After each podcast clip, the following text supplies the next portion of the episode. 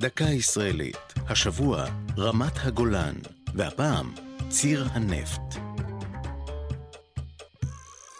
אם תניחו צינור נפט באורך 1,200 קילומטר, בשטחן של ארבע מדינות במזרח התיכון, הביאו בחשבון שהכל עלול להשתבש. זה בערך מה שקרה לארצות הברית ולסעודיה, שבסוף שנות ה-40 מתחו את קו צינור הנפט הטרנס-ערבי, צינור בקוטר כ-80 סנטימטר, מקייסומה בסעודיה עד הים התיכון. הסעודים ביקשו לפתח את כלכלת הנפט שלהם, והאמריקנים חיפשו השפעה באזור. אלא שבמהלך העבודות קמה מדינת ישראל, ובמקום הנתיב המתוכנן לנמל חיפה, הופנה הנפט לצידון שבלבנון דרך הגולן הסורי. מ-1950 זרם נפט בצינור, ואז שוב השתנו המפות. במלחמת ששת הימים עברה רמת הגולן לידינו. ישראל דווקא אפשרה להמשיך בפעילות הקו, אבל ב-1969 פוצצו מחבלים את הצינור והזרימו בירדן אלפי טונות נפט. במלחמת יום הכיפורים נעזר צה"ל בכביש התפעולי שנסלל לאורך הצינור כציר מרכזי להגנת הגולן מפלישת הסורים.